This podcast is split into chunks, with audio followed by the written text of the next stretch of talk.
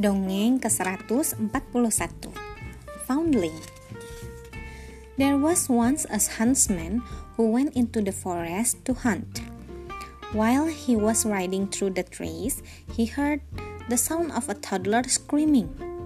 He followed the sound to a high tree, and there, at the very top, was a little boy clinging to the branches.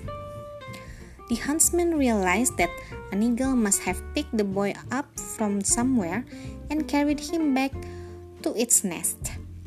He climbed up the tall tree, took the crying child carefully in his arms, and said kindly, Don't cry, I'll look after you. I will call you Foundling because I found you. You will live with me and grow up with my little girl, Lina. And that's exactly what happened.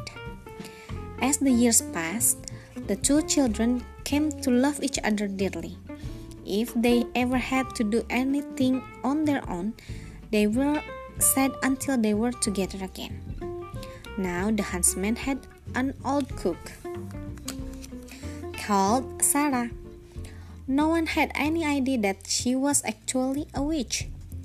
One evening, Lina saw Sarah carrying two buckets back and forth from the spring again and again. Why are you fetching so much water? Lina asked. You must promise not to tell anyone, ordered the old woman. Early tomorrow morning, while your father is out in the forest, I am going to brew a spell. I need to heat a huge kettle of water to boil up my special ingredients. Little boy. Lina gasped, and her eyes widened bigger than saucers, but she didn't say a word. The old woman shuffled off to fetch more water, cackling under her breath.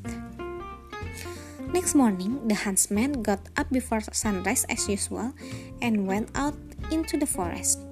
Lina heard him leave, for she was so worried that she hadn't closed her eyes all night. She shook Foundling awake, signaling for him to stay quiet.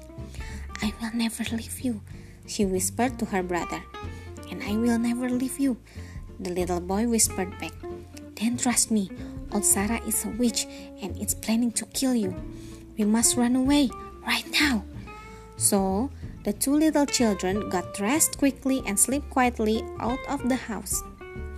By the time old Sarah had got up and had set the huge pot of water to boil, they were well away into the forest.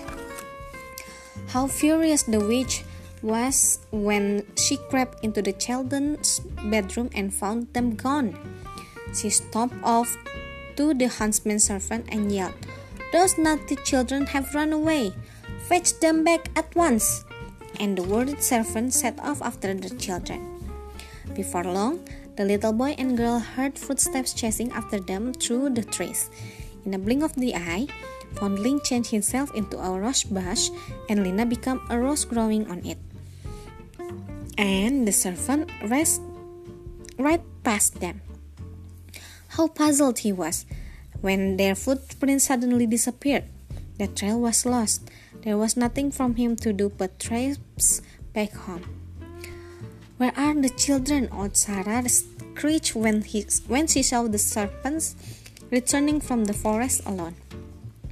I followed their footprints, but they just led to a little rose bush with one rose on it, the servant explained. Then the old cook roared, You fool! You should have cut the rose bush in two and broken the rose off and brought it to me. I suppose I shall have to go and bring them back myself. And she set off, hobbling and limping into the forest, all the while muttering to herself about how stupid the servant was. After a while, the children heard the old witch coming. In the blink of the eye, Foundling turned himself into a pond, and Lina became a little duck floating on it. When old Sarah came howling and puffing, she stopped for a moment at the pond to take a drink. As she leaned over the water, the duck seized the witch hair in its beak, and with one great heave, tugged her right into the water the old witch drowned. But the children went home happily together and lived comfortably for the rest of their days. Sekian, Terima kasih telah mendengarkan. Selamat malam.